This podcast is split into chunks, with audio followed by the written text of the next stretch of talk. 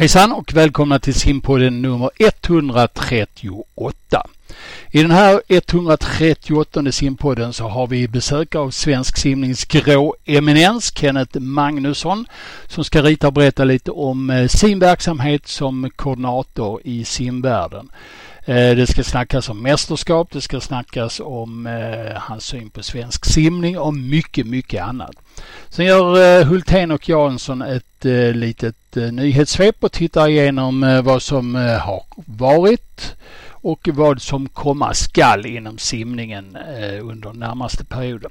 Välkomna! Lyssna till simpodden Hultén och Jansson nummer 138.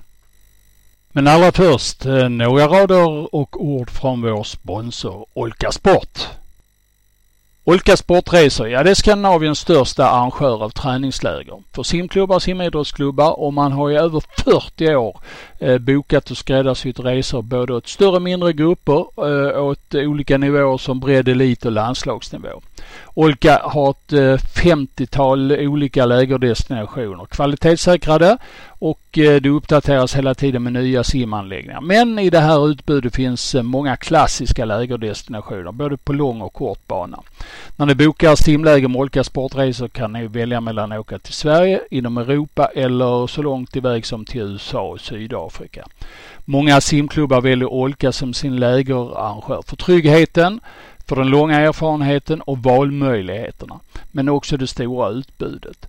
Men inte minst viktigt är också den personliga servicen. Du kanske bokar ett läger eh, inför ett mästerskap under ett skollov eller under en helg där ni åker iväg. På Olkas hemsida olka.se hittar ni hela utbudet och garanterat något som kommer passa er. Välkomna till olka.se. Nu ska vi snacka simning. Om de gör det bättre, det vet jag inte, men de gör det oftare. Det är ju omänskligt. Ja, men det gör vi Bosse, vi trummar på. Simpodden, Hultén och Jansson. Välkomna in i simpodden Hultén och Jansson. Vi är framme vid upplaga nummer 138. Jansson, du sitter där i ett grått töcken i en värmländsk skog. Hur, eh, hur är livet? Det är inte mycket snö Liv- bakom dig. Nej, snön har försvunnit, isen har gått upp, eh, Jonas Sjöstedt har avgått, så det är väl en ganska tung morgon. Nej, eller rättare sagt våren har då kommit till eh, dina trakter också förstår jag. Ja, jag Är det så? att, ja, alltså det skulle man ju kunna tro, men, men erfarenhetsmässigt så kan det mycket väl vända här och bli en både häftig februari och mars. Mm. Eh, vi hälsar dagens gäst varmt välkommen. Kenneth Magnusson, Svenska simförbundet som sitter i en eh, bunker ute i Hammarby sjöstad. Hur är läget idag Kenneth? Jo då, väldigt bra. Sitter och tittar på när folk käkar frukost här tvärs över gatan. Mm. Kan du se vad de eh, äter där inne till vänster? Nej, inte riktigt. Nej, men det är, det är, de har ju byggt ett nytt hus här alldeles tvärs över gatan och det är väldigt nära kan jag säga. Aj, aj, aj, aj, aj, aj, aj. Ja men vad trevligt. Kul att ha dig med. Jag har vid något tillfälle eh, benämnt dig som svensk simnings grå eminens. Eh, eh, har du något fog i, i sammanhanget att kalla dig det eller? Ja, det har blivit några år, ja. Om det, om det är det som är kval, kvalificeringen för det så, så stämmer det nog. Du har ju en viss eh, simkunskap eh, tycker vi som eh, jobbar tillsammans med dig och det ska vi väl utveckla lite här kanske. Eh, berätta lite, varför sitter du där? Du har ju inte suttit där hela livet. Eh, hur länge har du Nej. suttit på den där stolen på simförbundet? Den här tjänsten som jag har nu då som koordinator simning som den kallas, det har jag haft sedan mars 2010. Mm. Eh, och där innan, innan dess då höll jag på med, eh, eh, hade jag en halvtidstjänst ett par år med eh, ansvar för World Cup i simning som vi arrangerade på den tiden. Var det inte så att du kom in i samband med Masters-EM en gång? 2005 Ja. eller något sånt där va? Ja, det var snarare så att för min föregångare på den här eh, projekttjänsten för World Cup, han fick uppdrag att arrangera Masters-EM 2005. Så att då behövde de en, en vikarie för World Cup det året. Mm. Så då var jag inne några månader och jobbade med World Cup. Mm, Okej. Ja, och innan dess då? Simningen, Innan- den, den uppstod väl inte då dagen precis innan du började utan det hände väl lite innan? Ja. Eh, om man ska gå allra längst tillbaka så hade jag väl en ganska misslyckad simkarriär i början. Eh, som sen övergick till att jag var tränare några år och sen eh, kände jag väl inte heller att det var riktigt utan det, det blev ganska snabbt så blev det ledarbanan. Mm. Eh, med eh, framförallt då ett styrelsearbete i Väsby simsällskap. Okay. Under ja. må många, många år. Väsby, det är klubben alltså? Ja. ja. Och där har du varit eh, allt möjligt från kassör, ordförande, misslyckad simmare, simtränare. Har du haft fler roller? Eh, ansvarig för tävlingsarrangemang var väl den första ledartjänsten eller ledaruppdraget jag hade. Så att, eh, det var där jag började och sen var det kassör och sen var det ordförande och kassör lite omväxlande. Mm. Sen kan man väl kalla dig att du, du, har varit väldigt mycket kommunikatör också eftersom du har kört en del taxi. ja, just det. Ja. Det, var, det, var, det var det sättet jag skulle betala de räkningarna. Mm. Så det blev väldigt mycket, för jobbet i klubben det var ju oavlönat. Mm. Okej. Okay. Ja. Så att jag behövde ju någonstans att få in pengarna. Ja, vad bra. Härligt att ha dig med i alla fall. Vi, vi, Jansson, du har jobbat tillsammans med herr Magnusson lite. Ja, jag har haft, förmo haft förmånen att eh, eh, lära känna Kenneth li lite, lite mer under åren eh, 28 till 2010. Eh, han, eh, in, ja, han hjälpte mig med väldigt mycket olika praktiska saker. Eh, så det var trevligt. Mm. Nu ska vi snacka lite om eh, ditt jobb här i dagens läge Kenneth och lite mästerskap och allt möjligt. Berätta eh, vad innebär ditt jobb? Först sätt eh, titeln en gång till så får vi höra. Koordinator simning. Mm, och det innebär och det, vad? Ja, det är väldigt diverse handel skulle jag vilja säga. Mm. Det är mycket olika frågor. Um, det mesta handlar ju då eh, om olika administration när det gäller eh, simning generellt och, och även logistikfrågor när det gäller simlandslaget. Så jag bokar resor, hotell och sånt där och anmäler folk till tävlingar. Ehm, och ja, det är både mästerskapstävlingar och an, ja, andra tävlingar, typ den, de ska iväg till Nice här nu i början på februari. Eh, NEC då, för de, de bokar jag också för. Mm. Eh, så det är mycket, mycket sånt. När, när du Men, snackar administration runt simtävlingar, vad, vad kan det vara då till exempel? Ja, man ska ju anmäla dels en preliminäranmälan till mästerskapen och andra tävlingar och sen så ska man ju då boka hotell, eh, se till att de kommer dit, resor fram och tillbaks. Eh, och eh, se till att eh, ibland får jag faktiskt åka ut och reka på plats och kolla att det, det, funkar. Mm. Så det har jag varit iväg på med olika mästerskap. det är ju framförallt de här större mästerskapen där det är väldigt viktigt att allting är, är helt okej. Okay. Mm. Mm. När, när, du säger boka resor och så, Gör ni det nu helt själva utan någon resebolag som hjälper till eller? Nej, eh, jag har resebolag som hjälper mig. Eh, och eh, där vi har, där man, alltså det är lite, det är inte bara att boka resor rakt av för man, man måste tänka på en del saker. Ska man åka resa till en tävling så kanske man inte ska ta 0600 flyget eller 23.00 flyget. Alltså det måste vara resor som funkar så att inte simmarna blir ja, trötta när de kommer fram. Alltså, så att det funkar med sömnen och allting sånt där. Så att det är lite grejer att tänka på. Mm. Mm. När, när, när, du tittar på hotell, vad, vad, är det för någonting som du synar då eh, mest och bäst? Eh, det ska ju funka, rent ska ju hotellet vara bra. Så att det, det, är bra sängar och det är allting och sånt där. Va? Men sen måste det ju också funka med maten. Att de har, eh, hotellet har, det har, det har tyvärr hänt att det har varit på hotell där, där maten inte har fungerat för att det har, matsalen har varit för liten till det mängd simmare som kommer och sådana här grejer. Så det måste man ha koll på att de, de har haft en, att de har en ordentlig plan för det. Mm. Också att resorna mellan hotellet och eh, och eh, simanläggningen för det blir väldigt många sådana resor under ett mästerskap fram och tillbaks. De flesta åker ju fyra gånger, alltså enkelresor per dag. Så att det får inte bli så här, typ en timmas avstånd för då, då blir det väldigt mycket timmar på buss. Mm. Ett sånt här år när det är olympiska spel, blir det en lite lugnare sommar för dig då? Ja, för då, då övertar eh, SOK mycket av, för när det gäller förläger till eh, OS och OS så är det eh, SOK som sköter all, allting. Så det, det, behöver jag då inte göra någonting. Jag, jag hjälper dem lite med uppgifter ibland. Men det, det är väldigt mycket mindre än normalt. Om du tittar på det som är administration utanför simlandslaget och arrangemang och sånt här, vad är ditt ansvarsområde då? Ja, alltså dels håller jag på med eh, simning generellt. Vi håller ju bland annat på med en, eh, en projektgrupp nu när det gäller eh, säsongs och tävlingsplanering för nästa fyraårsperiod då, efter OS. Och eh, där är jag väl lite sekreterare då i gruppen så att jag håller på att fila på de dokument som, eller det stora dokumentet som ska tas fram till det, för det.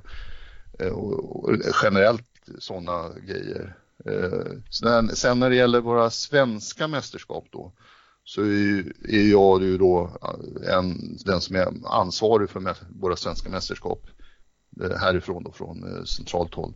Så att jag har ju möten med alla arrangörer och så tillsammans med vår marknadschef då så åker vi ut och träffar dem. Mm. Och vi skriver avtal. Avtalen ansvarar Jan då, marknadschefen för i första hand, men jag hjälper till med det med. Och sen så eh, jag håller lite mer i den tekniska biten när det gäller arrangemangen då. Eh, och eh, ser till att, och sen att det finns, eh, vi har ju gjort om eh, arrangemangen lite nu så att vi, det är simförbundet som eh, lämnar över en ett färdig, alltså tidtagning, startlistor, allting sånt där det sköter vi härifrån så det är inte längre den lokala arrangören som ansvarar för det överhuvudtaget. Är det, är det svårare idag att få arrangörer än det har varit eller är det ett jämnt flöde? Hur är, är, det, är det hett att vara arrangör för olika mästerskap idag? Ja, det, jag kan säga att det är väl av våra fyra stora mästerskap så är det väl tre som inte är något problem. Ska vi, ska vi berätta då vilka de är? Det är alltså kortbane-SM, långbane-SM, sumsim på lång bana och sumsim på kort bana. Ja. Det är de fyra ja. Ja. Eh, och eh, sumsim eller SM på långbana där, det ingår ju SM-veckan så där, eh, det blir en liten speciallösning.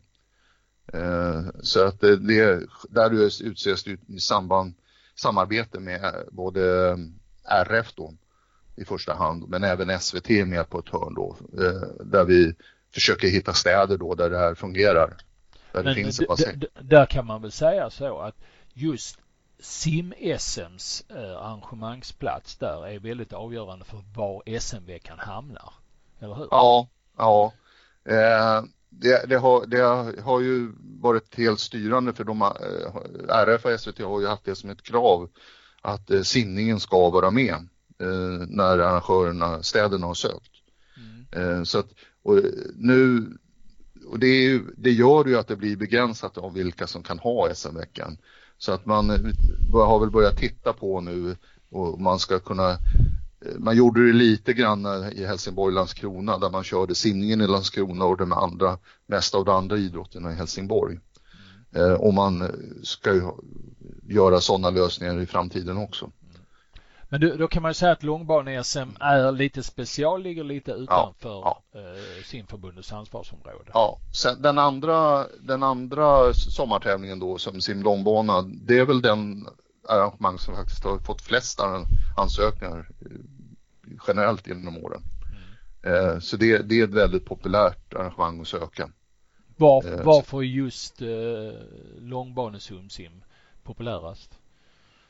Eh, jag har inte riktigt frågat dem utan det får, det får bli lite spekulation då men jag tror att, jag tror att de, eh, det är rimligt många dagar inte lika fullt så stort som ett SM är. Eh, och jag tror att de har gjort hyfsat bra. Eh, det, det, trots att det, det, är ju ett arrangemang men klubben vill ju ha lite avkastning med pengar. Kan, kan det vara så att just inkomstvolymen som jag tror är eh, störst på Sumsim långbana, är det det som är avgörande? Eller? Eh, det är ju inte en nackdel i alla fall. Thomas? Det, det, ja. Eh, ja, det var faktiskt en, en ekonomisk fråga jag, jag funderade på. För ni någon statistik över hur mycket arrangören ska, alltså tjänar på mästerskap så att man skulle, ja, för ni någon statistik på det? Nej, det gör vi inte. Eh, och eh, det, det, kan jag väl tycka att det, det, kanske är en brist. Vi kanske borde göra det. Eh, så att eh, det, det, kan vara en bra idé eh, att göra det i framtiden.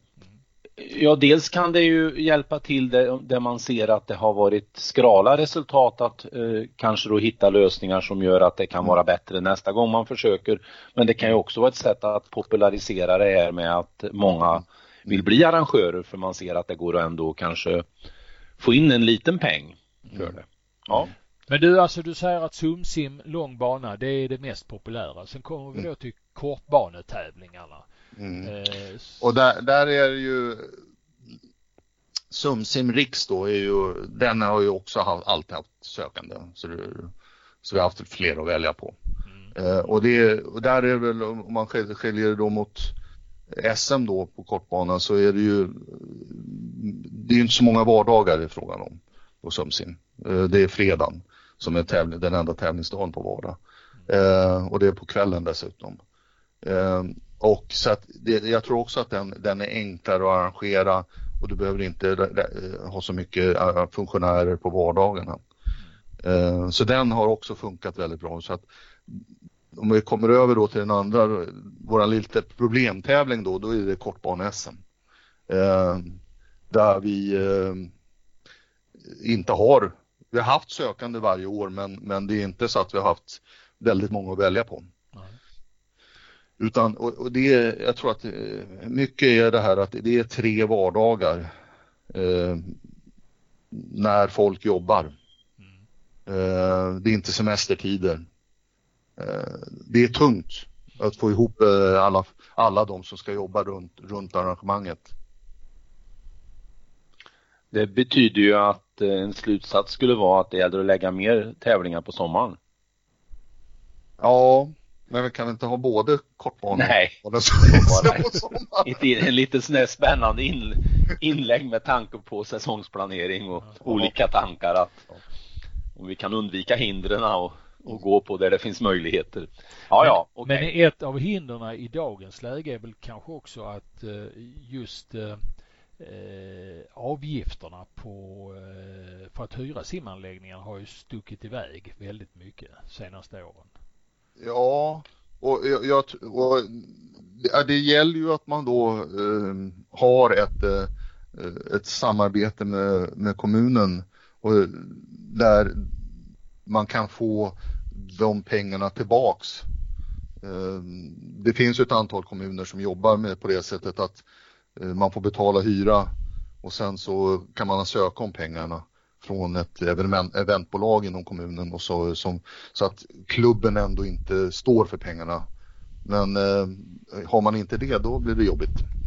Ja, så var det ju till exempel i, i Eskilstuna där, där pengarna kördes runt lite grann. Men det var om man tittar på det de ville ha betalt eller det de fick betalt så var det ju för dem, de fem dagarna nästan 800 000. Har ni någon, några statistikuppgifter på vad man får betala runt om i landet? Eh, nej, inte så att jag kan säga det, men jag kan säga att det ligger inte ens i närheten av de sim, summorna nej. på någon annan ställe. Men då ska jag tillägga att det var ett generöst bidrag som kom från eventbolaget för att så, så inte Eskilstuna på ett felaktigt sätt hamnar i, i, i någon skugga för det, det, det mötte ju det stora peng men, men bolaget som driver simhallen gjorde ju en bra vinst. Ja, Ja. Men, men, om vi tittar nu på generellt sett över eh, svenska simarenor och svenska kommuner. Eh, om, om vi tittar till exempel på kortbane-SM, hur många ställen går det egentligen att köra det här på? Stockholm vet vi, Eriksdalsbadet. Ja, Helsingborg, mm. Göteborg, mm. Eh, så länge den anläggningen håller. Mm. Eh, det vet vi inte. Eh, det är ju rena kortbaneanläggningar. Mm. Sen har det ju tillkommit några långbanebassänger som går att, att ha i. Eh, som man avdelar då. Och det, de som har tillkommit är ju då eh, Eskilstuna eh, och eh, Umeå. Eh, lite, tvek, lite, tvek, tveksamt. lite tveksamt. Ja. ja. Mm. Eh, det var tänkt att det skulle vara, vara, att det skulle fungera. Vi, vi får väl se om eh, det blev inte riktigt som det var sagt från början i Umeå här på Sumsim mm. med läktarplacering så att vi får se om de kan lösa det för att Eh, det, det är synd för de borde ju kunna ha gjort likadant som eh, man gör i Eskilstuna. Mm. Sen har väl Uppsala haft ett kortbane mm. mm. SM också. Så att, eh, Jönköping. Jönköping ja, stämmer ja. också. Det... Har, har, vi fler sen? När vi tänker Nej, till det? inte direkt. Så att det, det, det är inte så många anläggningar. Och, och, då kan man ju säga att eh, Eskilstuna tillkom förra året. Innan dess hade vi ju ännu färre. Mm. Så att det, det, det, är en väldigt begränsad krets av klubbar som kan söka. Mm. Thomas? Eh, jag samlade ju på att ha simmat i olympiska bassänger både i Sverige och runt om i världen. Och så hade jag då förmånen att vara i Västerås här på nyårsdagen. Eh, så jag var och simmade i den mycket, mycket vackra fina bassängen, den nya där. Och så eh, pratade jag med lite representanter för eh, klubben där och de deras känsla var att de inte upp, att det inte var möjligt att göra en, en ett kortbane-SM i, i den 50 meters bassängen vilket var, kändes väldigt konstigt för mig. Har ni inventerat Västerås fullt ut? Nej, jag har faktiskt inte varit, hunnit åka dit ännu. Jag, det får finnas på listan av saker att göra. Ja, ja, ja, det är en jättebra idé. Jag ska faktiskt försöka komma dit och titta på hur den ser ut, anläggningen. Och jag är innovativ så jag såg jättemånga lösningar ja. eh, där man kan göra så det är bara du hur av det. Mm. Men det, alltså, det, det, är ju så att det har ju skruvats åt lite eh, förutsättningarna för att eh, kunna arrangera ett kortbane-SM. Eh, har du siffror i huvudet eh, på egentligen vad som behövs? Eh, lite sådär kortfattat. Eh? Ja, alltså om man ska säga det som det brukar falla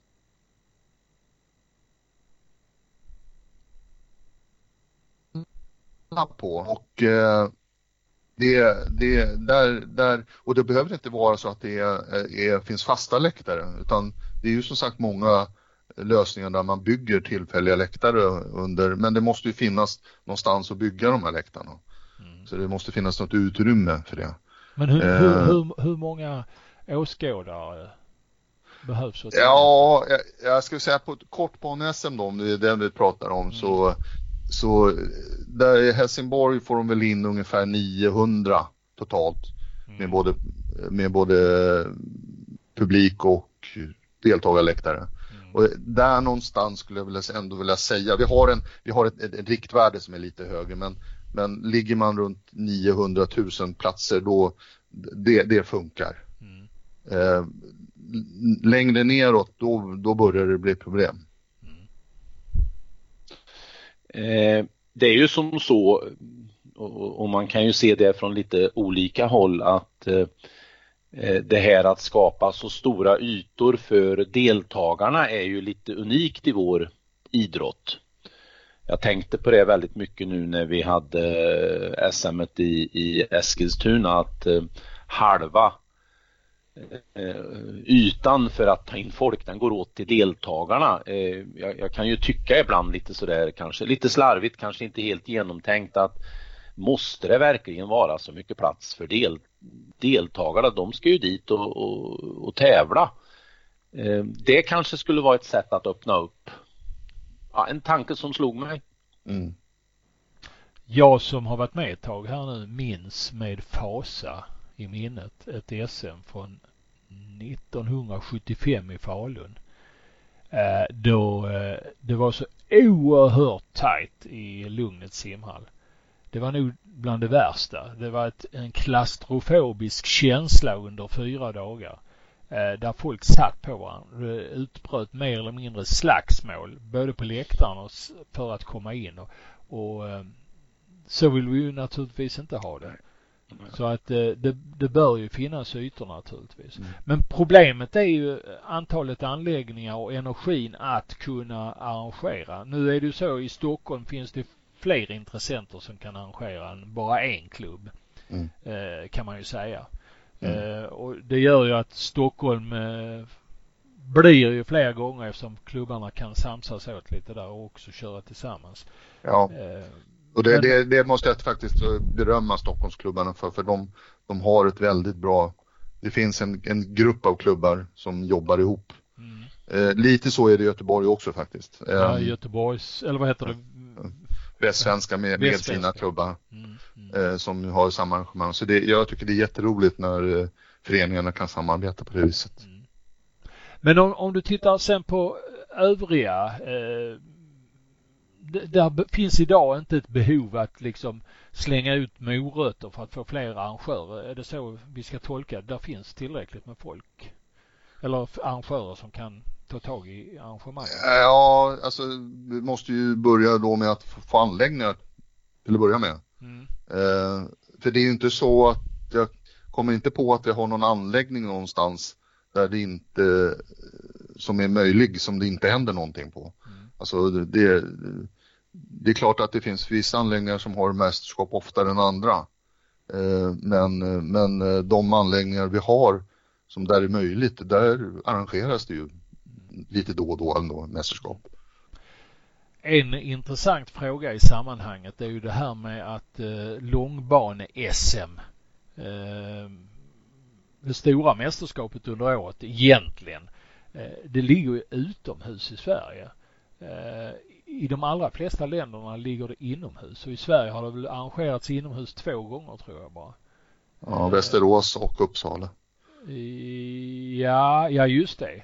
Men också en gång i Göteborg fast det var kanske ett, den gången 1981 var det väl när kortbane-SM blev långbana. Eh, men gick inomhus i Västerås 84 också ja. tror jag. Eh, det, det, finns inga tankar på att styra det dit hän att, att vi börjar köra långbane-SM inomhus? Um, jag skulle säga att det finns nog olika skolor. Uh, mm jag, har, jag får ju naturligtvis på, påtryckningar från olika människor då. En del tycker naturligtvis att vi ska köra inomhus, det är något annat i, och sen finns det ju andra som tycker att nej men SM på sommaren ska gå utomhus. Så att det, det, finns åsikter åt båda hållet kan jag säga.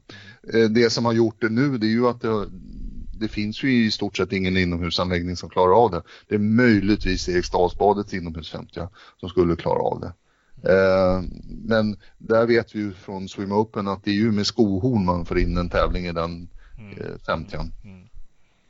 Sen är det så att eh, det är en arrangemangsavgift för att arrangera de här tävlingarna. Är det i sig en hämsko för att eh, få Ja, den är, den är faktiskt borttagen sen flera år. Ja. Ah. eh, så det, de betalar, vi, vi gjorde en, en, en växling för fyra år sedan var det väl. Det var med eh, ut och... Ja, man, vi, vi tog hand om, eh, förut var ju arrangören ansvariga för, för tidtagning och resultatpresentation och allting sånt där.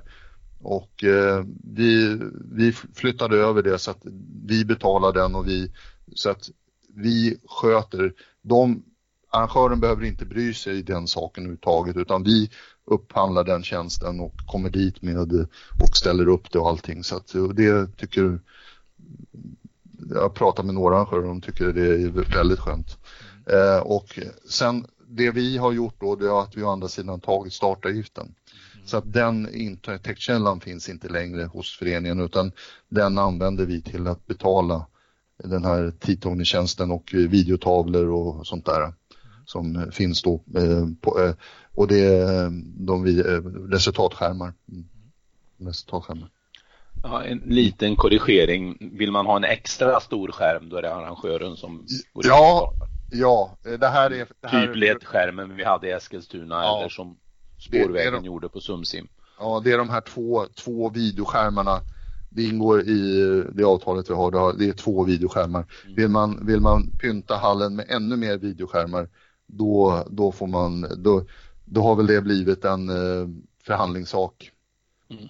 Där man har delat, man har väl delat kostnaderna. Eh, det, det, här, det här är inte det här är det Jan, vår marknadschef, hanterar så att jag kan inte riktigt detaljerna. Det är bäst du passar dig för vad du säger så du inte får ja. en extra faktura från Eskilstuna nu innan, det... innan dagen är slut.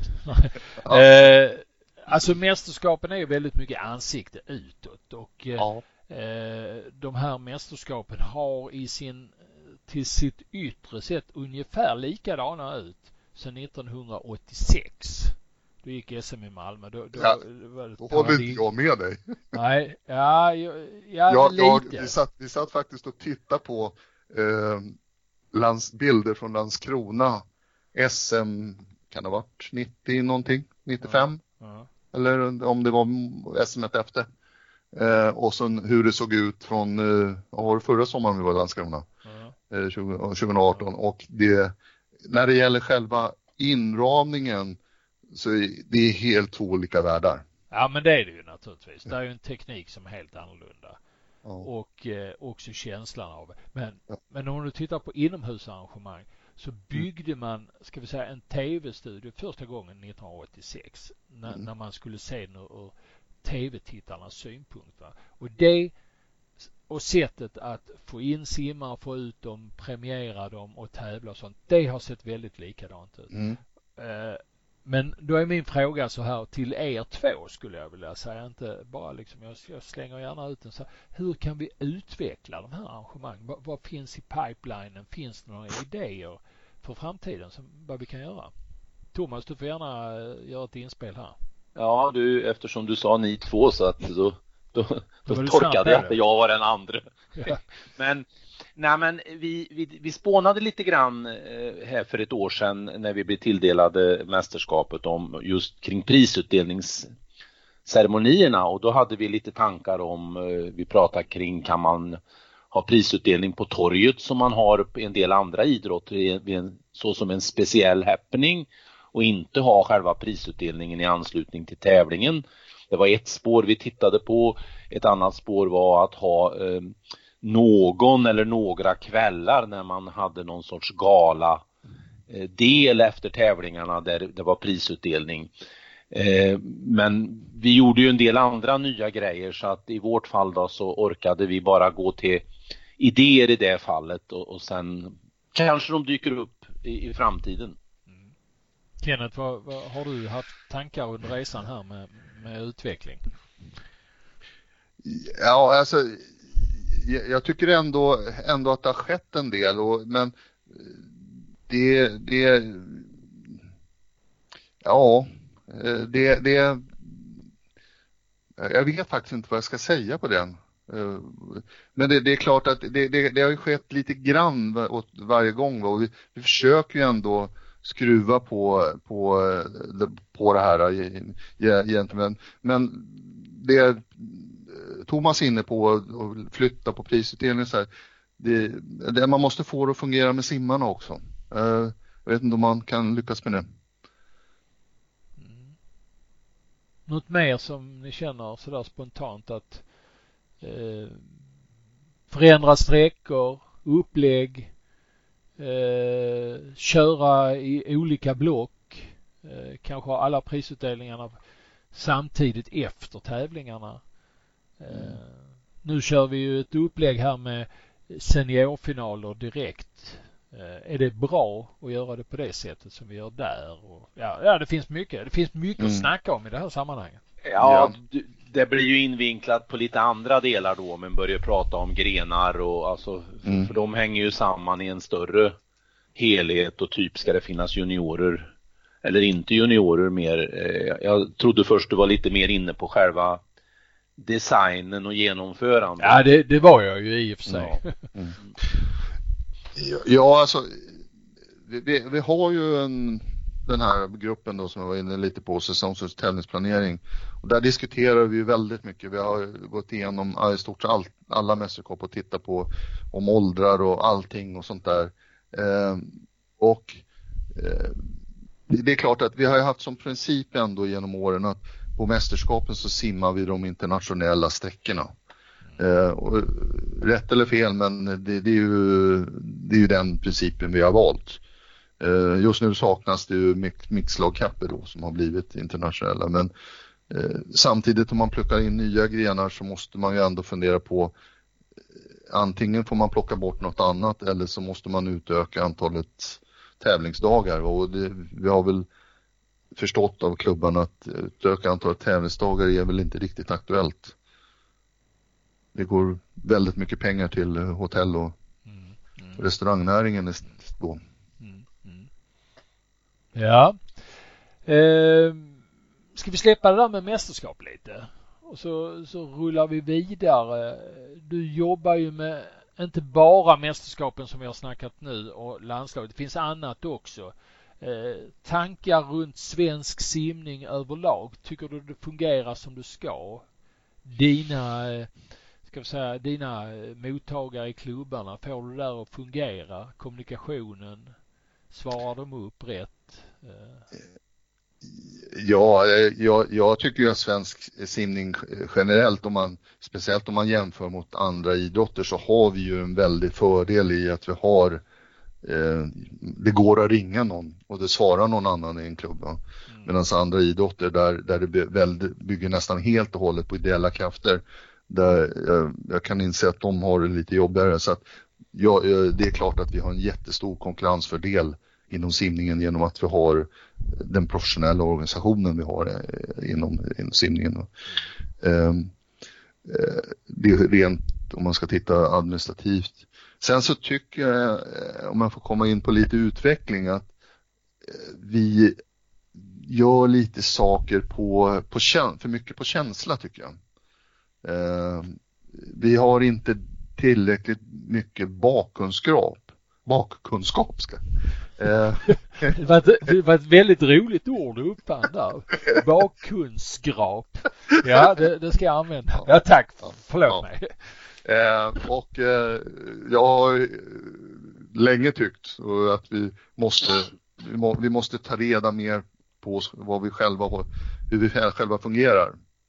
Eh, så jag tyckte det var väldigt roligt här att vi under hösten fick igång ett projekt här nu då, som eh, ska titta, forska Eh, och det vi tänker använda oss av i det här projektet det är, det är faktiskt vår tävlingsdatabas.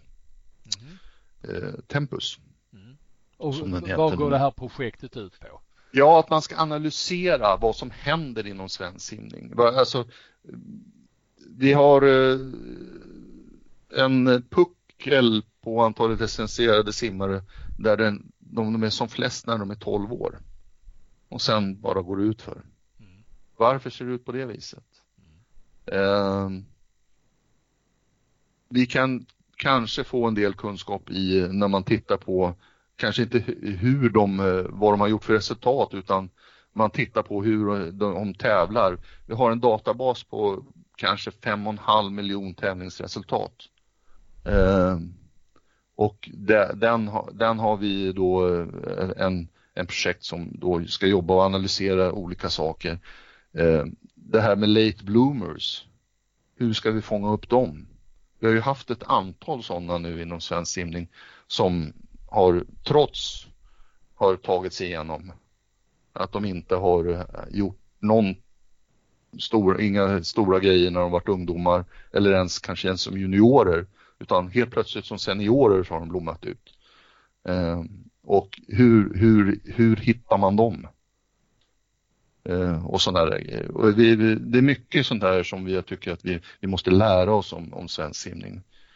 Mm. Eh, och ha mer, ha mer faktabaserade beslut. Eh, istället för att bara gå på fingertoppskänsla. Något mer som du känner att eh, det här vill jag lyfta fram från eh, dina tankar under arbetet? Ja, nej, alltså, sen, sen pågår ju ett jobb då att titta över simlinjen Eh, Eh, och den, den eh, man kan ju se att det är mycket föreningar. Jag tror ändå att de har eh, simlinjen, de tittar på den och läser den och sådär. Men jag tror att det är väldigt få som faktiskt jobbar ut, ut efter den helt och hållet. Eh, bland annat så tror jag att jag tror inte att man har den mängd eh, träning som, som den, den föreslår. Och det har väl kanske sina praktiska skäl i att eh, just kommer tillbaka till anläggningsfrågan för vi, vi är ju väldigt trångbodda. Eh, speciellt i storstadsområdena där det är krig om eh, tider i bassänger. Vi är inte bara trångbodda, det är många ställen där det inte ens är bassänger längre. Nej. Uh, nej, och det, och det, är, det är synd det här att, att när alla de här 70-talsbassängerna, 60-70-talsbassängerna nu eh, börjar, eh, ja de, de har, har, ju nått slutet på sin livslängd. Eh, så ersätts inte alla bassänger utan speciellt i de här, vi fick ju en kommunsammanslagning efter, efter att de här hade byggts. Och nu bygger man inte tre nya i en, i en kommun utan då centraliserar man det till kanske en bassäng istället i kommunen när man, när man måste bygga nytt. Men du jobbar också med anläggningsfrågor har jag förstått? Ja, eh, vi, nu, vi hade Annika Edin som jobbade med det ett tag här. Eh, men nu har hon gått vidare till en annan tjänst så att eh, just nu så har jag ju fått tillbaka den, den arbetsuppgiften. Jag och eh, Mikael Jansson då eh, så att eh, vi håller väl på att titta på om, om hur vi ska titta på det här eller hur vi, ska lösa den, om vi ska ha, hur vi ska lägga upp det jobbet och om vi möjligtvis behövs någon som ska eh, ta över jobbet från Annika. Eh, så att eh, det är ju det är ett svårt jobb för att eh, det är ju inte det är inte som man kan gå som i vissa länder där där man har ett sportministerium som bestämmer allting. Va? Och så här byggs det, där ska det byggas och så. Utan här är det 290 oberoende kommuner som man ska jobba med. Och det, de själva bestämmer exakt vad och hur och om det ska byggas. Mm. Um, så det är det, ett viktigt, viktigt jobb att ja. vara referens ja. Eh, organ för. Ja, ja, ja, och det, det är så att vi, vi får ju för, förfrågningar och speciellt och, och, och hjälpa kommuner och hjälpa föreningar framförallt. Ju, vi jobbar ju på uppdrag av föreningarna så att de, när de hör av sig och säger att nu är det på gång någonting här, vi behöver hjälp, då, då är det klart att vi hjälper dem. Eh, så är det. Och jag, jag har varit ute på olika uppdrag eh, eh tidigare där jag varit på och hjälpt olika. Det gäller bara att de hör av sig i tid så att man inte kommer in för sent i processen. Mm. Så att det har låst sig för mycket. Det känns, det känns som du eh, kan få dina arbetsdagar att gå. Ja, sen håller jag ju på med lite med antidoping också. Ja. eh, så att eh, så jag är antidopingansvarig också på förbundet. Okej. Okay. Så att eh, det och det, det, är ju det här då att eh, bland annat så ska vi ta ut en, en pool då som ska visstidsrapportera. Och den, eh, jag, den som är ansvarig för att ta fram underlag för vilka som ska ingå i den poolen. Så det är ju RF som utser poolen men det, det är ju de olika specialidrottsförbunden som man nominerar de som de anser enligt vissa kriterier då ska ingå i den. Och sen allmänt, ja, det ska ju lite rådgivning också. Det ringer föräldrar och frågar dem. Framförallt astmamediciner är väl det, det som är, kommer ganska ofta. Bra. Nu har vi fått en ganska bra bild tycker jag av eh, vad du pysslar med. Eh, ja. Inte bara vi utan jag hoppas också lyssnarna har fått det. Eh, men nu kommer vi till en tricky del av eh, det här snacket och det är Janssons eh, tre snabba. Jansson, varsågod. Den seriösa delen där det bara finns ett korrekt svar. Du får några alternativ, eller du får tre frågor av mig. Och så ska du göra ett val. Och den första frågan handlar om idrott.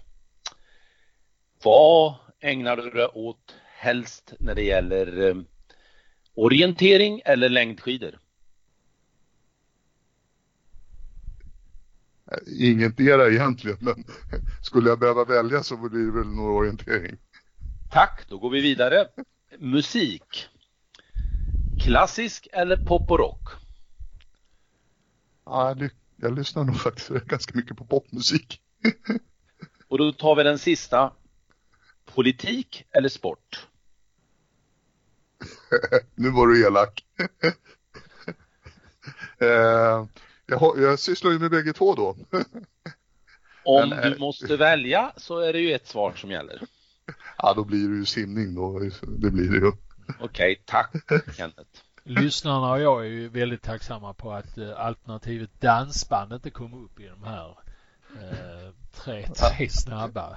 Det var ju skönt Jansson. Tack så mycket Kenneth. Ja, det hade tack. jag inte valt så hade jag sagt.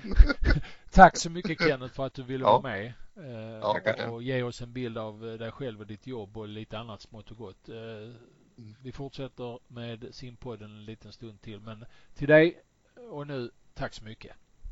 Tackar. Nu ska vi snacka simning. Ja, om de gör det bättre det vet jag inte men de gör det oftare. Omänskligt. Ja, det gör vi Bosse. Vi trummar på. Simpodden, Hultén och Jansson. Då har vi klarat av den första delen av simpodden Hultén och Jansson. Nummer 138. Oj, oj, oj. Mm. Ju eh, fler vi har gjort ju bättre har du blivit att hålla ordning på det. Ja det är nästan så. Ja du har nästan inte gjort något fel här på senaste gångerna. Nej, det var då mellan 10 och 20 då hade jag problem att hålla koll. Ja. Då tyckte jag blev så väldigt många men nu, nu, nu är det liksom, nu sitter det där. Ja. Kenneth som vi har pratat med han är en av många viktiga kuggar i svensk simning. Mm. Mycket var, viktig. Ja, det var, ja som alltid tycker jag ju våra gäster gör ju, de fyller ju programmet. Mm. Så och Kenneth. Ja, bra tycker jag också. Du, eh, sen sist då, eh, om vi ska liksom svepa ut över världen lite, så jag har åtminstone varit på en konferens i fyra dagar, World Aquatic Development Conference, som är ett eh, ambitiöst världstränarforum, kan man kalla det, i Lund eh, med 400 deltagare tror jag ungefär. Och Eh, det här var fjärde gången man arrangerade man gör det vartannat år och eh, undertecknad undertecknat tillsammans med Torsten Bure eh, var moderatorer i, på det ena spåret. Det tävlingsspåret som finns där inne. Det var ungefär 66 procent av deltagarna gick eh, tävlingsspåret och eh, andra delen det är Learn to Swim, alltså simskoleutbildningsbiten. Där, där var det lite mindre deltagare. Eh, men det var en trevlig konferens eh, helt klart och det var många intressanta föreläsare där. Och vi kan väl titta lite på vilka det var. Ja, du kanske kommer in på, har det liksom, har det svenska intresset ökat under de här äh, fyra gångerna och har man fullt ut i landet förstått vilken guldgruva det här är? Nej, man har inte riktigt fullt ut förstått det nu eh, och använda det här eh, i Sverige. Tyvärr. Eh, men det har blivit mycket, mycket bättre. Speciellt i år har ju antalet svenska deltagare stuckit upp och det är väldigt trevligt. Eh, så att eh, det här är verkligen en guldgruva. Eh, och man kan ju säga så här att de som var ska vi säga stjärnorna på föreläsningshimlen om vi kan säga som så. Det är ju då den amerikanska, det var ju några amerikanska collegetränare som till exempel David Saller från USC, University of Southern California, Los Angeles, som tränar några svenskar idag. Eh, Louise Hansson och Victor Johansson finns ju där och han har ju en, en recordlist med simmare, eh, fantastiskt duktiga simmare bakåt eh, OS-guld på 1500 Meluli till exempel. Vi har ryske Morozov. Eh, eh vi har eh, vad heter hon? Ah, 2012s eh, OS-segrarinna 200 bröstsim. Nu stod det stilla här.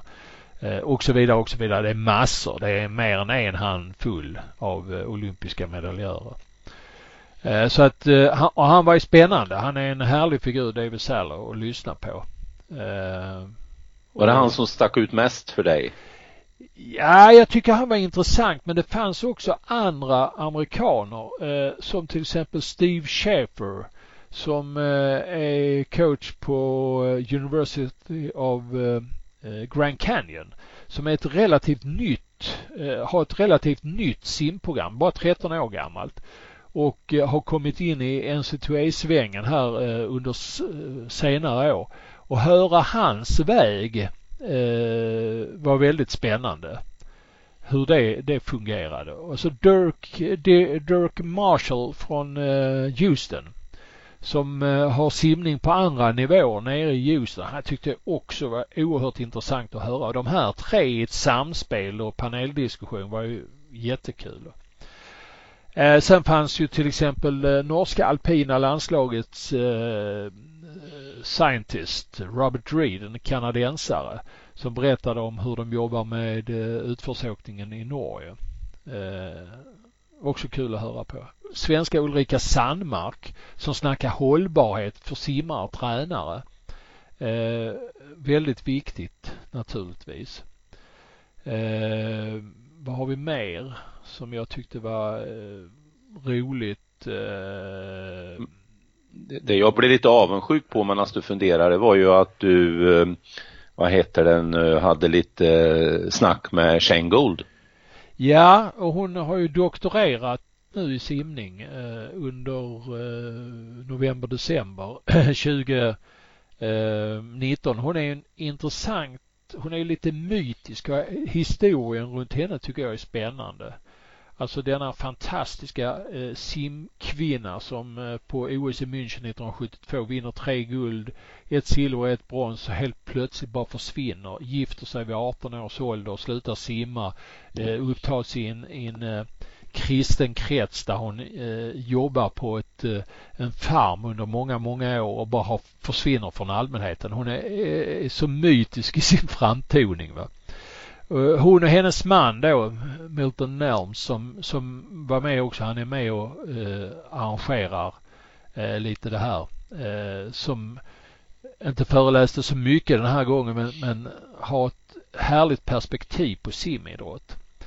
Eh, sen fick vi ju höra en del eh, simmare också. Det var ju Lauren Boyle, eh, kortbane-VM-segrarinnan på 800 från Nya Zeeland som berättade en del grejer. Hon är väl inte fullt utvecklad som föreläsare nu men hade väldigt mycket intressanta idéer. Eh, kan bli intressant i framtiden. Eh, vi fick ju höra eh, ska säga vad vi har mer för några. Det var en del simskolemänniskor som var inne och körde på på på eh, på, på, på, på eh, tävlingsbiten också. Joanne Love eh, till exempel som jag, jag tyckte var intressant att lyssna på. Ja, det var många. Mm. Många, många, många. Och så, eh, ja. Vi, vi har ju dryftat den här eh, konferensen och hyllat den genom åren och det är bara att fortsätta och lyfta av hatten för Holmberg och kompani och, och Poseidon för att de eh, gör ja, det här. Ja, de gör ett underbart eh, arbete ja. måste jag säga. Även om jag, jag känner mig som lite part i målet här så, så ska de ha väldigt mycket credit för ett fantastiskt jobb. Jo men det är klart att få ihop det här är ju kanonbra och sen, eh, sen nämnde du i telefon när vi pratade vid ett annat tillfälle att eh, eh, Torsten Bure gör ju ett väldigt fint arbete i det här sammanhanget också. Ja, det finns under själva konferensen. Ja, det finns väl ingen i Sverige som kan hålla ihop en sån här internationell konferens eh, med det språk och, och den bakgrund som han har. Det gjorde han kanonbra. Jag tycker han, han har utvecklat eh, eh, sitt eget eh, språk och förhållande i de här sammanhangen ytterst mycket också. Jag var mycket imponerad av honom. Det är kul att jobba tillsammans med de här människorna. Mm.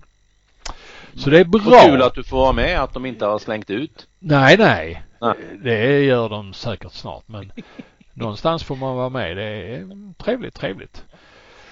Eh, jag ska se bara, jag hade någon till jag tyckte att jag, jag ville nämna eh, och det är ju då eh, vi tittar på eh, slovenska eh, storstjärnan Sara Isakovic mm. som är en av mina favoriter. Sara som har skrivit en bok om mental träning nu. Hon fanns med där också. Hon var med på förra konferensen. En härligt klok, ödmjuk simmerska född 1988 med ett OS-silver 2008 på 200 frisim. Läs gärna in er på henne och kolla hennes nya bok som hon har gett ut. Ja, det var det. Ja men vad kul! Och som sagt, hatten av. Hatten av och ja. eh, Ska vi ta lite små notiser tycker du? Ja, Sara mm. Sjöström börjar käka vegetariskt och blir starkare. Ja, nu kanske inte sanningen är riktigt så enkel i och för sig, men så uttryckte hon sig. Men det är klart att det är andra komponenter som spelar roll om man blir starkare också. Men jag tycker det är intressant med våra världsstjärnor då som väl kanske Lasse Frölander var föregångaren och sen Therese Alshammar och nu Sara att de eh, intresserar sig så mycket för det här med att äta korrekt och att de har eh, många och spännande idéer kring det. Så att eh, det tyckte jag var intressant och lite kul. Eh, fasta vegetarisk kost och sånt här det är, det är någonting som jag tror alla borde testa lite emellanåt. Det är inte alltid man eh, faller ner i i eh, det här som en tro sen men man bör testa det. Jag tycker det är spännande. Mm. Sen, sen ytterligare en passus att eh, eh, det är ju jättebra att hon blir starkare i gymmet men eh, det är, det är också viktigt att hon simmar fortare. Mm. Så är ja. det. Ja. Du, eh, vi, vi ska inte snacka för mycket skidor här men Johan Esk, eh, han hade ju en intressant ingång i en krönika häromdagen om handboll. Berätta. Ja, det är, för mig är det Eh, jag tror det kan bli århundradets självmål. För det första är han ju en mycket, mycket kompetent, eller vad heter det, kompetent sport. Potent och kompetent. Och jag ja. följer honom, läser honom och, och inte alltid jag, jag, gillar exakt det han skriver men, men, men den här gången gjorde han en artikel som fick mig liksom att baxna. Han tyckte att handboll skulle tas bort från OS-programmet. Och det kan man ju tycka, men motivet var att det är en för liten idrott, det är för liten konkurrensyta. Och då börjar jag tänka och så räknar jag igenom lite länder och grejer. Nej men herregud, vilka, vilka idrotter ska då vara kvar? Sen fick han genast då svar ifrån Aftonbladet, jag tror han hette Bränning den som svarade. Konsekvensen är ju att det är dags att lägga ner vinter-OS. Och det tyckte jag var lite, det blev lite kul för det blir ju, är det no, några idrotter där som definitivt inte är i närheten utav konkurrensbilden som handboll har så är det till exempel längdskidor. Så det tycker jag var en spännande eh, självmål att läsa om. Ja, du eh, OS-kval i simning. Det, det, det, här är ju en serie som kommer gå över hela världen. Massor med tävlingar som egentligen sätter igång den första april. Ja, alltså det är, vi är ju bara två och en halv månad bort nu innan vi går in i en period som blir lika intressant som själva OS. Och, och det är ju då OS-kvalerna som sen kulminerar runt midsommar när eh, USA har sina uttagningar. De har det veckan efter eh, Australien till exempel. Så att april, maj och nästan juni ut blir det ju godis vare, nästan varenda dag att läsa om på nätet. Mm. Det blir väldigt mycket tävlingar fram tills dess också. Inte minst nu till helgen när eh, eh de amerikanska GP-tävlingarna sätter igång igen. Där är ju en av de svenska OS-simmarna eh, med verkligen. Sofie Hansson. Det ska bli spännande att se henne. Ja, och när du säger henne så blir jag att tänka på uh, Hanna Brunsell satte ju ett fint personligt rekord mm. på 100 meter bröstsim och då blir jag att fundera, kan Hanna här fram i vår utmana eh, Hansson om den där bröstsimsplatsen Montro? Det är klart, det skiljer ju över en sekund. Mm. Det gör det ju. Men eh, det var ett fint personligt rekord av Hanna Brunsell. Brunsell som eh, sänkte sitt pers på lång bana eh, ja. på tävlingar i Tennessee i helgen eh, med en halv sekund. Och eh, väldigt talangfull men eh, stoppade upp, har flyttat till USA, tränar där nu eh, på Northwestern University heter det väl.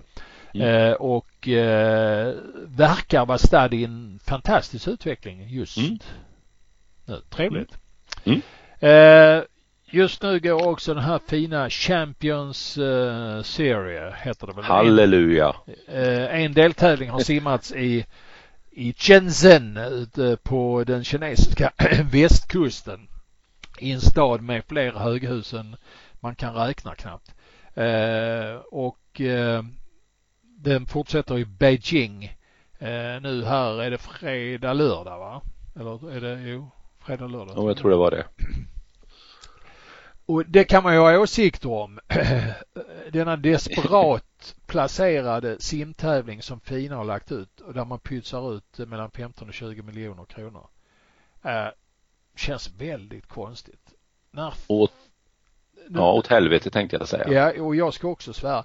När fan ska Fina sätta sig ner och sköta simningen i världen istället för att hålla på med sånt här fjant? Det är dags ja. att uh, plocka in någon som klarar ja. av att tänka simning snart i den där organisationen. Och det är möjligt att de ändå känner ett visst ånger när de såg att det var ganska skrala resultat. Okej, okay, holländaren Manning på 200 bröstsim och 100 bröst framförallt ja, var ju... Cumming ja. Ja, Cumming ja. var ju eh, väldigt bra. Annars var det väl inte någonting speciellt men jag skulle vilja utnämna den första OS-medaljören nu efter jag har sett de där två tävlingarna. Mm. Så att jag får en sån där riktig bubblare. Vi gjorde ju det inför 2016 och då hade vi ju lyckan och turen med oss att vi prickade ju in några mm. eh, upcoming och då säger jag Shi Won Hei, Hongkong. Ja. Medaljör 200 frisim i sommar. Shi Won Hei. Ja, från Hongkong. Ja. Eh, som, eh, hon vann inte nu men nej. hon är Nej, hon börjar, hon börjar bli väldigt intressant. Eh, ja. Dotterdotter till den förre guvernören i Hongkong. Och eh, som eh, har gått framåt något oerhört. Mm. Eh, Okej. Mm, och simmar väldigt oj, oj, oj, vad simmar. smart och som, ja, nu har jag inte sett henne i verkligheten än. men simmar, som det ser ut, simmar tekniskt också väldigt bra. Mm. Så att det är en första bubblare. Så är det. Du, har vi något mer vi ska snacka om i kortform nu innan vi eh, drar plösen över den här eh, eh simpodden nummer 138? Nej, det tror det, jag räcker väl det är bra så det blir över. Ja. Eh, ni har stått ut med oss i en dryg timme nu känns det som. Eh, ha en fortsatt god dag alla ni där ute och eh, vi hörs snart igen. Tack så mycket Jansson. Tackar. Tack och hej.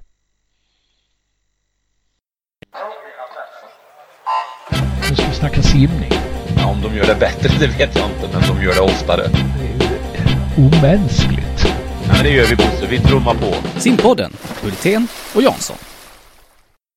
Ett litet tillägg till eh, det senaste nyhetsavsnittet här som vi inte tog upp. I Kinas Champions-serie simmade under eh, tisdagen och onsdagen eh, Michelle Coleman till sig fem stycken placeringar i topp fyra. Ja, det är bara fyra varje gren.